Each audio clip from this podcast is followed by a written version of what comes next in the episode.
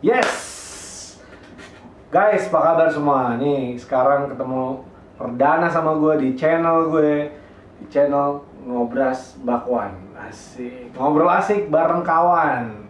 Nah, sekarang gue pengen ngobrol sama salah, salah satu temen gue nih yang ya ini sobi banget lah buat gue lah. Dia beberapa tahun terakhir gue berkenal sama dia, dia banyak menginspirasi gue makanya gue mau coba ngobrol sama dia nih. Nah, ini dia nih, gue panggilnya langsung. Brother Kamir, Kamir. Yes, Hey. ini dia nih. Davin namanya, Bro. Halo. Davin ini temen gue semenjak 2013 13. lah ya. Kita kerja di satu kantor bareng ya, Bing ya. Iya. Di namanya salah satu oil and gas swasta lah, cie swasta. Pokoknya dari Cina ya. Iya dari Nah, dari Cina tuh nah. Davin ini eh gue kenal cuma bukan karena kerjaan doang kita ya. Karena beda lantai terus gue nyamperin dia ke lantai ini untuk eh, sesuatu tentang kerjaan, tapi di luar kerjaan kita emang nongkrong bareng juga, ya kan? ngomong bareng. Ngeband bareng juga, ya kan? Apalagi ya? Ya. Pokoknya ngabisin waktu lah ya istirahat nih kalau di kantor bareng, pulang nongkrong bareng. Nah, ini orangnya nih, ini ini nih sosok yang pengen banyak gua kulik nih, gitu. Anyway, gimana kesibukan sekarang nih? Alhamdulillah baik-baik aja Ki. Moto-moto masih ya? Moto masih. Siap. Terus apa lagi? Masih. Oh iya, dia ini bisnismen juga nih, dagang sama istrinya. Kebetulan eh gue juga banyak sharing masalah dagang ya kita ya. Kebetulan gue juga dagang salah satu makanan, dia juga Oh. dagang salah satu makanan, ya kan kita di kuliner bareng, Eh, kecil-kecilan bareng juga, jadi banyak sharing juga gue sama David. Nah, Ya berjuang bareng lah. ya. berjuang bareng intinya. Tapi sebelum kita ngobrolin yang itu, gue pengen nanya, dia ini Instagramnya keren banget nih. Instagramnya itu eh, postingan-postingannya itu tentang foto-foto diedit gitu dan ngambil ngambil angle fotonya tuh ah itu perlu banyak belajar banget nih sama dia deh. Nah, gue pengen nanya nih, Ping. Ah, Kalau lo ngambil gambar itu lebih ke temanya yang kayak apa sih? Kayak lu mungkin humanis atau lebih suka yang landscape atau lebih suka yang eh, model gitu nah. Kalau lu apa Oh, ya? kalau Human interest, nih? sorry, Kalau human, model? human interest maksud gue tadi bukan humanis ya. Human interest guys, sorry sorry. Nah, kalau model emang bahaya tuh. Bukan kita bayar dia doang gitu takutnya ya. Nah, lu lebih kesuka yang mana sih sebenarnya? kalau kalau gua gini sih pada prinsipnya foto itu kan kayak kalau gua bilang foto itu time freezing. Jadi lu Gimana bisa, tuh? eh, eh, time freezing tuh kayak gini. Lu kalau eh, bisa mengabadikan momen tapi tanpa gambar yang bergerak, lu punya imajinasi sendiri terhadap foto itu sendiri. Oh, jadi ketika lu- lu mengambil Hmm. satu momen kayak lu Angle-angle-nya lu gitu ya? jalan lu jalan kayak lu traveling di mana gitu Yes. terus lu ambil foto ketika lu uh, balik lagi nge-review tuh foto lu setelah berapa bulan lu ngambil foto uh, itu momen itu kayak lu punya cerita sendiri tanpa harus uh, dilihat dari motion gambarnya. Jadi lu punya imajinasi sendiri oh ya kemarin tuh gua begini lu Iya, punya cerita jadi- sendiri dari foto itu. Dari foto iya benar ada ada cerita di balik itu ya. lu bisa mendeskripsikan foto itu sesuai dengan pikiran yang lu mau gitu. Wah, keren Jadi, eh kenapa akhirnya gue memilih satu konten atau satu tema genre tema ya, genre, genre, genre, fotografi genre. Eh, itu street street fotografi Oh, street fotografi itu banyak tuh hashtag itu gue juga kalau suka lihat sekali-sekali hashtagnya street fotografi, street fotografi Iya, gitu. ah, ah. Oh itu ya lu ngambilnya dari itu ya dari Iya. dari genre itu Karena lah. pada basicnya ya foto itu adalah sama seperti video lu mengcapture sebuah momen cuma bedanya video dan foto adalah gambar yang bergerak dan yang tidak bergerak Yes, Gitu. setuju banget gua. Nah, kalau dari tadi lu bilang traveling ke mana, ngambil capture. Nah, kalau best moment lu tuh ngambil gambar yang pernah ada selama ini gimana? Kan lu kalau nggak salah pernah jalan sama Lala tuh, wah long long day trip, wah berapa lama tuh? Berapa lama ya? Gue sempet dua Sebulan. minggu ya, sebulan Sebulan. malah ya. Sebulan. Anjir, sebulan coy dia jalan-jalan gila. Bener-bener ngabisin waktu berdua sama istrinya tuh eh, enjoy bareng ya nggak sih? Susah seneng bareng katanya sebulan dan gue pasti ngeliat gue juga pasti ngeliat postingan-postingan yang selama dia waktu itu pergi tuh itu keren banget men. Nah, gue mau tanya best moment lu tuh selama mungkin trip lu perjalanan sebulan itu apa sih? Apa lokasinya di mana? Atau lu mau capture sebuah gambar apa yang membuat lu jadi ini best moment dan best best apa ya? Orang namanya best picture ya kali ya, apa ya? Best capture-nya lu lah gitu. kalau kalau kalau dalam gue jalan-jalan sama istri waktu itu semua sih best moment sebenarnya. Best moment, iya ya? kan? Karena karena momen momen itu kan bisa diabadikan atau enggak gitu kan itu kan Iya itu kan beda beda gitu maksudnya Betul, betul, betul. cuman kalau mau dibilang best momennya mana ya semuanya best moment Eh, ada berantemnya ada cekcoknya yang satu mau ke sini mau ke sini Iya, iya, gitu benar. terus eh, gua ribut ketika gue punya pingin punya waktu sendiri buat nge-capture momen capture apa foto gitu. nah. gue pingin foto street di daerah Jogja Iya, misalkan iya. terus Terus dia Jogja ya benar ya waktu itu. ya? iya gue ke Jogja terus ya ya itu semuanya best moment sih gue Best moment ya. best moment Tapi- yang gue capture tuh sebuah best moment Kalau secara lokasi nih, misalkan kan lu jalan-jalan tuh. Nah, Lokasinya yang lo ambil misalnya contoh Taman Sari atau Kali Biru kalau Jogja nih ya. nah, Atau lo foto sate sate Papong tuh ya kan, sate Papong Jog- Jogja tuh juga. Oh, gua nggak tahu Nah, tuh. Lu nggak tahu juga. Tahu. Atau ini gue norak eh apa tuh kopi klotok. Nah, Nah, kopi kelotok. Kopi klotok kan momen tuh misalkan lu bawa kopinya, foto kopi di tengah sawah gitu nah. Kayak gitu-gitu yang paling the best nih selama lu perjalanan tuh ada satu foto yang menurut lu tuh ini foto ini foto edan banget. Ini foto gua banget nih karena gua suka banget nih. Itu ada? Atau di lokasinya gua suka banget nih atau ya pokoknya buat lo ini paling-palingnya lah selama lo trip waktu itu. Ada nggak? Hmm, ada satu foto yang sebenarnya sih tuh gue nggak merencanakan buat foto itu tempat gitu Hah? ada satu eh, ketika waktu itu itu traveling yang sebelum gue sebulan itu waktu itu gue traveling Oh, oke. waktu gue sebelum nikah Yes, yes, yes. terus gue jalan itu rencana gue mau naik ke Bukit Pergangsingan di Lombok Timur Lombok Oh iya Timur. kelompok ya waktu itu ya. Timur waktu itu karena Lombok juga, cuy. karena gue penasaran banget sama satu daerah di Lombok itu karena orang tahu Lombok itu selalu mendeskripsikannya dengan pantai, gili, terawangan, dan Rinjani ya. party gitu. Party juga. Gunung Rinjani. Cuman ada satu tempat yang ketika gue jalan ke sana, gue nemuin suatu masjid. Masjid. Masjid. Masjid itu gue nggak merencanakan gue mau berhenti di masjid itu, cuman eh gue dikasih tahu sama guide-nya gue, gue bilang, Aha. dia bilang, Mas, ini masjid ini punya sejarah dia bilang gitu. Dia, dia punya sejarah. Kenapa? Karena masjid ini hanya dibangun kayak dari serabut Anjir. dari serabut dan eh, masjid itu eh, cuman sekarang Itu legend tuh ya. itu legend Legend dari, dari Keren. dulu Eh, udah ada di masjid. masjidnya itu kalau nggak salah pernah diambil salah satu TV swasta waktu zaman tahun-tahun Untuk tahun ini? 2000-an kali ya untuk Iklan- video iklan. video azan Iya, iklan azan itu. ya. Bukan iklan gue lupa nama masjidnya cuman itu masjidnya keren banget dan ketika gue sampai ke sana capture tuh ya. gua gua muter gua keliling eh itu masjidnya benar-benar kayak kalau kita ngeliat tuh kayak spooky serem tapi setelah gua masuk ke sana gua lihat karena banget ya. kelilingnya itu pohon-pohon semua itu masjid benar-benar yang punya sejarah katanya Dan adem di tuh kayak adem adem banget adem banget banget cuman sekarang Nyaman lah ya. iya sekarang udah nggak dipergunakan lagi masjidnya cuman jadi kayak simbol daerah masyarakat setempat deh Oke, Dan kayak itu tapi lu kayak wisata gitu boleh gitu. Maksudnya itu Ya, wisata boleh. Wisata Boleh. Dan itu masih dirawat gitu. sampai sekarang. Masih dirawat ya. Sangat dirawat banget. Keren banget nih. Ntar gua mau lihat tuh foto itu boleh juga. Boleh, boleh. Udah masuk postingan belum? Nggak gue posting karena nggak masuk dalam genre konten gue. Oh iya benar, karena lu street fotografi Iya, tadi ya. iya. Iya iya iya. Nice banget bro. Eh anyway, tapi kalau ngomongin masalah fotografi, Eh, merokok ya? Iya sambil sambil.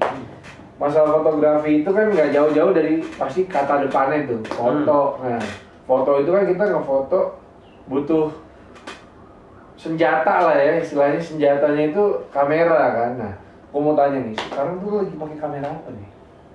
Gue pakai salah satu brand kamera. Emang boleh disebutin? Boleh dong. Wah, kalau di konten di channel gue mah apa aja boleh sebut. Eh, Lu mau pusing minum biar gesik boleh. Sabi pokoknya apa aja juga boleh. Sekarang gue lagi pakai Fuji Film Fuji film yang tipe apa nih? XE3. Wih, mantap. Saya Tapi tiga. lu dulu kalau nggak salah kan penyimpan apa? Eh, kiblat lu ke Canon kalau nggak salah ya. Eh, ka- bukan kiblat ke Canon tapi pertama kali gue belajar kamera ya Dari gue Canon. diperkenalkan oleh Canon gitu sama om SLR tuh? karena dulu gue gak punya kamera akhirnya gue memaksakan diri untuk minjem Oh. kamera sama om gue gitu karena gue tertarik dengan bentuknya pertama Oh iya. bentuk iya, iya. bentuknya tuh keren DSLR apa SLR DSLR. jadul? Udah SLR. Tapi emang keren sih DSLR tuh Iya. zaman dulu belum ada mirrorless. Kayaknya ah ini gua banget nih kalau megang ini kamera dapet nih profesional banget ya. iya Padahal mah enggak gitu. iya padahal ini keren banget gaya gue naik nih gitu Iya. gue style gue nah tapi itu awal dari Canon itu Dari ya, gue belajar dari Canon. waduh sabi Canon tapi emang secara eh, gambar dia juga tajamnya dapet sih ya Hmm. warnanya juga naturalnya lebih dapet sih nggak sih dari brand sebelahnya tuh Eh, apa kebalik ya gue gue lupa deh tapi nggak kayak Canon deh eh kebalik ya tergantung sih sebenarnya eh, masing-masing orang sih. Oh Eh, Canon sama Nikon nih gue ngomong Iya, Canon sama Nikon langsung aja deh Orang milih Canon, milih Nikon atau brand yang lain itu sebenarnya tergantung dari eh, Sony ya kan eh, kesukaannya dia terhadap eh, warna foto dari kamera ya tersebut sih sebenarnya. Iya. Kalau gue menilainya seperti itu gitu karena nggak bisa subjektif kalau menilai seperti itu. gitu. karena pastinya masing-masing punya keunggulan ya kan Iya, eh subjektif gitu. Subjektif, Itu iya. subjektif gue bilang. Iya, dan komunitinya juga ngangkat brand itu sama-sama sendiri-sendiri kuat juga masing-masing gitu Iya. kan.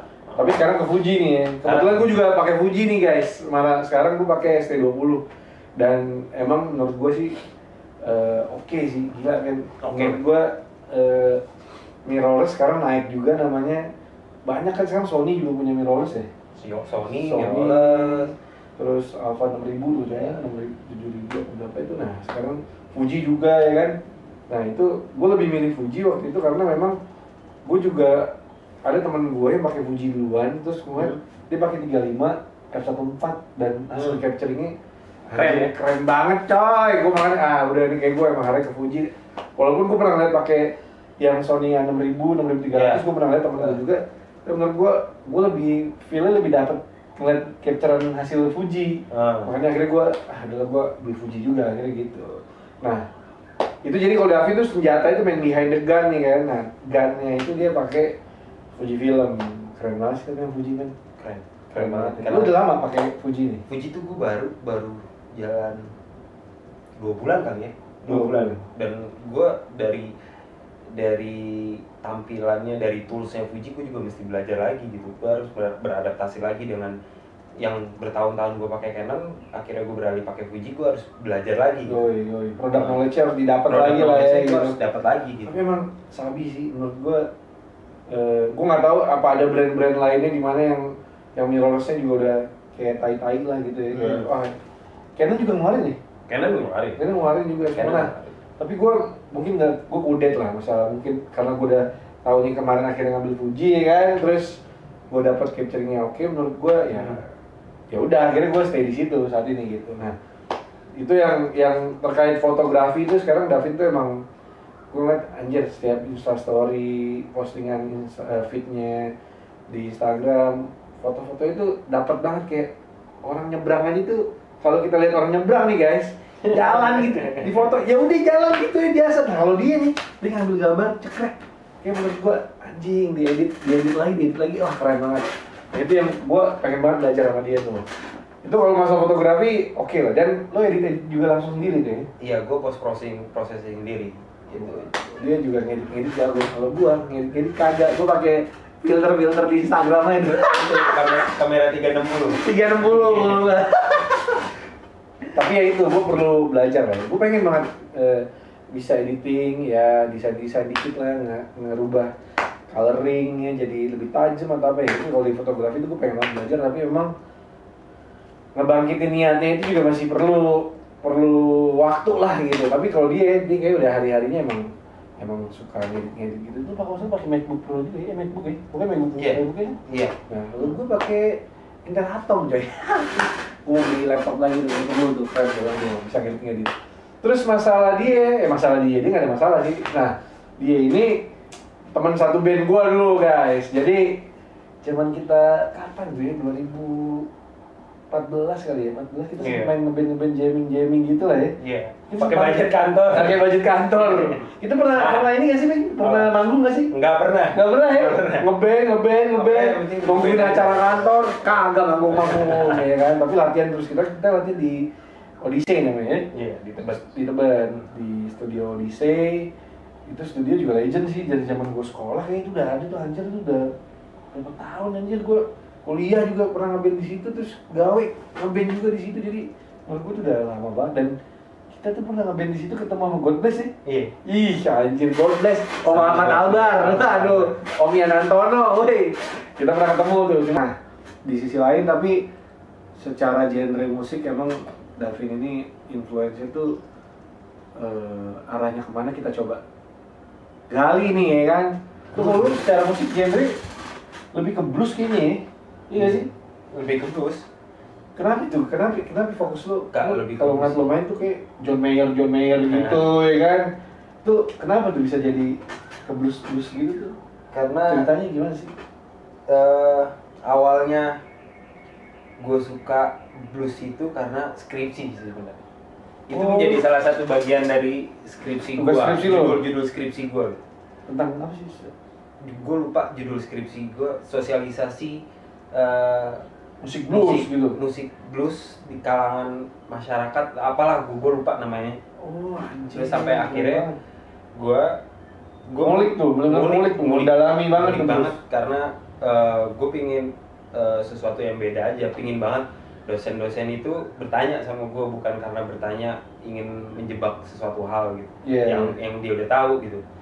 Eh, jadi gue berpikir ah gue bahas musik aja nih ini kan eh, orang-orang kan Iya, iya. belum pernah ada yang bahas musik nih akhirnya buat gue dosen juga awam gitu Iya, akhirnya gue sampai sampai gue ngeriset terus waktu zamannya Jakarta Blues Festival tuh. iya itu bener tuh keren banget tuh ada akhirnya itu ya iya, gue sekarang udah ada ya Udah nggak ada, udah nggak ada sekarang. sekarang Java Jazz masih ada. Ya emang ya nggak bisa ya mungkin minatnya juga terhadap musik blues tuh kurang Iya. masyarakat Indonesia gitu. sekarang tuh kayak event tuh di-combine loh kayak ada With The Fest apa lo With The Iya. Fest Synchronize tuh kan Yang kemarin Synchronize Sondrenali yang kemarin di Bali ya kan. Nah, kayak Synchronize tuh mengcombine semua genre lagu kan kalau salah Didi Kempot nanti Synchronize main ya kan ada Didi Kempot ya kan The Godfather of Broken Heart ya kan Hmm. terus ada ya band-band yang lainnya pasti juga banyak tapi event-event ini kayak sekarang emang di-combine gitu jadi nggak ada yang satu genre sendiri berdiri buat dibuat dibuat Iya. event gede Iya. ini gitu. Oh, oh.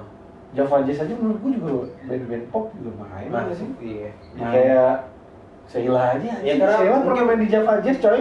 Ya kalau kalau tapi emang buat misalnya- undang market juga sih. Segmented sih. Genre segmented. Iya makanya mau nggak mau di, itu itu. di combine Iya. biar dia bisa hidup dan jalan bareng. Iya bisa jalan terus di di, di Indonesia mungkin iya Ya, kalau di luar negeri orang emang culture musiknya mereka itu. Iya tapi itu kan musik itu salah musik negro ya. Musik negro. Awalnya nggak salah tuh- sejarahnya tuh blues tuh negro main sampai Eh, dulu musik blues itu mendunia coy. dibilang dulu tuh musik-musiknya para eh, pekerja. Kaum- pekerja kaum ini kaum kan, Afrika. kaum African mereka American. kalau habis selesai kerja dia menghibur dirinya dengan bermain musik. Anjir. gitu dia bermain musik sampai lahirlah itu musik blues dia bermain musik untuk mencurahkan perasaannya dia emosinya dia emosi Nah, musik itu itu kenapa- soulnya dapat banget cuy iya itu Gila. kenapa orang-orang kulit hitam itu negro itu kalau mereka bermain musik blues itu menjiwai banget ya emang karena akarnya musiknya dia tuh blues Iya. emang Kayak dari dari dari neneknya, nenek-nenek semua tuh udah emang genre ya, emang tapi tapi keren banget sih keren sih. keren King ya kan siapa sih? Nat King Cole tuh awalnya bukan blues ya? Pokoknya Gitu-gitu semua kan. semua orang-orang yang Eric Clapton ya kan? Eric Clapton ya pokoknya menjalar deh sebenarnya musik blues. Akhirnya diangkat ya, dengan eh, sama musisi-musisi itu jadi akar akarnya musik dibilang. Iya iya. Iya, tapi musik blues. ada satu fenomena yang gue lihat kalau masalah musik blues ini ya tadi gue sebut itu men. Lu kan kayaknya ke John Mayer ke John Mayeran gitu suka John Mayer tuh bukan orang negro cuy. Ya kan? Bukan orang negro. Gila tapi dia dia tuh feeling main blues itu aduh dapet banget men. Karena eh iya sih. John Mayer tuh emang dasarnya dia main dia kan sekolah kan nih sekolah musik gitu dia kan. sekolah musik. Dia dia sekolah musik. Bukan sekolah sama Katy Perry kan? Eh bukan ini Katy Perry dulu bentar doang nanti putus. Sama Indo ada ya Terus itu John Mayer tuh anjing lagu ya mungkin dia juga salah satu musisi kulit putih cerdas yang ya. main blues dan bisa di dipandang sama orang-orang musisi-musisi blues dunia iya kayak kulit hitam tuh kayak angkat topi juga dia Iya, ya dia pernah main sama Eric Clapton dia pernah main sama Baking ya B.B. King sama salah satu musik musisi legendary siapa? musisi country yang Hah? eh, Cat Urban oh. Cat Urban tuh kalau Cat Urban ya namanya. Dia juga main sama dia gitu ya. Tapi emang keren sih. Keren. Sih. orang ya orang jenius.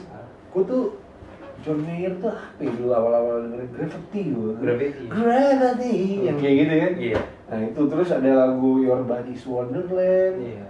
Itu kalau yang galaunya tuh ada yang dan I'm gonna find another you ya kan? Sama Say Man C ya sampai eh, salah satu musiknya John Mayer itu kalau teman-teman tahu pasti tahu sih kayaknya. Iya, iya. Eh, soundtrack filmnya Karate Kids ya? Karate Kids. Iya. Yang main anaknya Will Smith sama Jackie Chan itu. Oh yang di US tuh ya kalau iya salah dia. Itu tema dia jadi so- Say itu jadi salah satu soundtrack musiknya film itu ya? film itu. Anjir, Itu keren keren keren. Itu dan itu setiap kita nggak usah eh gimana ya? Gue dulu tuh awalnya denger John Mayer tuh gue pikir anjir ini suaranya keren terus main gitarnya juga sabi ya kan. gue pikir kulit hitam coy. Taunya? Taunya pas sawo mateng. Ih ih, anjir sama mateng. Gue ini udah dipetik ya kan. Nggak gue taunya gue anjir nih kayak mungkin musisi-musisi negro kan yang Iya. mainnya gitu-gitu. Eh ternyata kulit putih. kulit putih anjing. Dan dia main itu aduh dapet banget sih walaupun gue dan dia totalitas banget sih terhadap musik iya, sampai detik ini dia dia totalitas banget terhadap musik. Iya dan gue jujur sangat menyayangkan kemarin pas dia datang ya kayak iya dan gue juga nggak nonton tuh karena Gua mahal nonton. nggak punya duit. Nah, kita sama berarti waktu itu. Karena nggak punya duit. Manis Wonderland ya bukan ya. Jadi duit emang juga kita butuhin buat nonton kayak gitu dan ternyata momennya nggak pas pas John Mayer datang kita lagi kebutuhan John Mayer juga tuh mau datang udah lama sebenarnya ke Jakarta kan? Iya iya, iya. waktu kalau salah tahun 2009 dia sempat dipanggil ngisi acara kalau nggak di, di Bali ya? di Bali iya di private. private. Private-nya event siapa gitu. iya. Ya, cuman nggak di orang. publish nggak di Keren ya. expose ya. nggak bisa bayar dia maksud gue hebat. Gila. Punya duit orang. Parah. Private event ngundangin John Mayer tuh di Bali pula. Anjay gila keren banget tapi ya oke lah blues itu menjadi salah satu genre ini lo ya Eh, salah satu Genre musik yang lo- musik yang sering gue dengerin Dengerin salah ya? satunya gitu. kalau di Indonesia apa men saya lokal lokal band. Sela anjing sih Sela anjir gue dari zaman 90 berapa jadi itu kita SD apa SMP ya? Salon Seven tuh salah satu musik album bila eh al- album kita album Hmm. dan tuh anjir itu itu pecah sih zaman dulu kayaknya kita ngeband gue gue jujur ngeband dari SMP ya gue ngeband dari SMP dan SMP itu Sela tuh mendominasi men di Indonesia salah satu lagu anak anak-anak sekolahan tuh dulu dengerinnya Sela men. Dan generasi 90 yakin gue nggak yakin gue nggak nggak mungkin nggak tahu Sela. Bener gak sih? Tahu gila satu satu albumnya dia yang pecah banget itu gila sampai anak zaman sekarang pun tahu Sela. Sampai anak zaman sekarang lo bayangin nih. Event-event yang ada selanya itu penuh sama tau nggak? Anak-anak yang umurnya 17, 23 pensi-pensi pensi-pensi masih manggil Sela coy. Dan Sela menurut gue emang pecah banget sih. Dan gue tuh pengen banget ngundang Sela. Jadi gue kayak ada project nih di kantor pengen ngundang Sela cuy. Wih keren tuh. Tapi sayangnya Sela full sampai akhir tahun. Iya. anjing gue bilang. Gila men. Bang Eros, Bang Duta, Bang Adam, Bang siapa tadi? Bria nih. Hmm. lo keren banget. Dan menurut gue eh, salah satu band Indonesia yang sangat-sangat contoh contoh ya menjadi contoh anak muda sekarang dan musikalitasnya juga masih terjaga ya dedikasinya terhadap musik tuh bagus banget dan Ya. konsistennya tuh bagus betul nah itu yang gue bagus. suka banget kalau salah terakhir dia ngeluarin single film favorit Iya. iya itu itu juga keren banget singlenya itu keren banget men dan Ceylon Seven tuh dia mengikuti zaman Yes. musiknya dan kalau kan dia udah Ceylon Seven tuh eh, sekarang tuh dia udah nggak formatnya tuh band tapi dia juga dengan musik digital iya dia ada ada dia udah sentuhan sentuhan tradisional musik sentuhan sentuhan digital ya Iya, karena kan eranya zaman sekarang musik-musik eh, musik-musik era digital. Iya, gitu. iya, benar, Musik. Dan- digital. betul betul dan memang kayaknya mau segitu deh Iya. ya kalau nggak salah lo tau Coldplay zaman album Parachute sama Iya, dia berubah jadi album Magic tuh loh Magic. itu aja itu udah sentuhan sentuhan musiknya udah beda banget men dan memang honestly gue lebih suka yang dulu tapi ya itulah band kalau mau hidup ya ngikutin juga dia ada kan ada unsur-unsur lagu-lagu iringan-iringan ada Iya, apa itu namanya elektro. elektronya gitu Eh, terus ada zaman ada apa yang lagu sekarang terakhir eh, yang video klipnya dia di hutan kartun-kartun itu? Hmm, Coldplay itu? lupa gua. Apa ya? Lupa, lupa. Anjir gue lupa juga. Ya itulah A Hymn A Hymn A Hymn for Weekend. Iya, Him for Weekend. Hymn album itu nah itu juga udah sentuhannya lebih kekinian ya. Iya.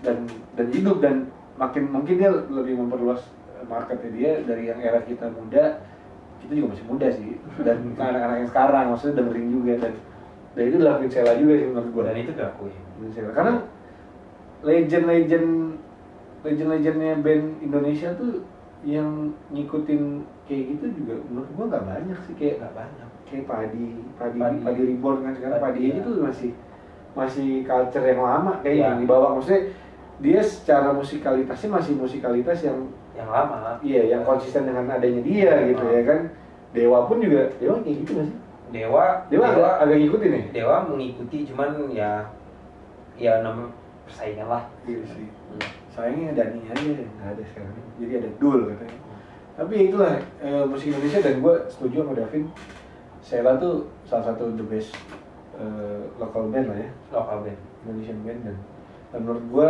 gue masih pengen masih kayak ketika gue pengen nonton dan akhirnya kesampaian nonton Sheila itu kayak masih hype itu masih anjir dan masih pengen teriak-teriak nyanyi gitu ya kan yang yang wah gila nih band dari gue kecil nih gitu Iya.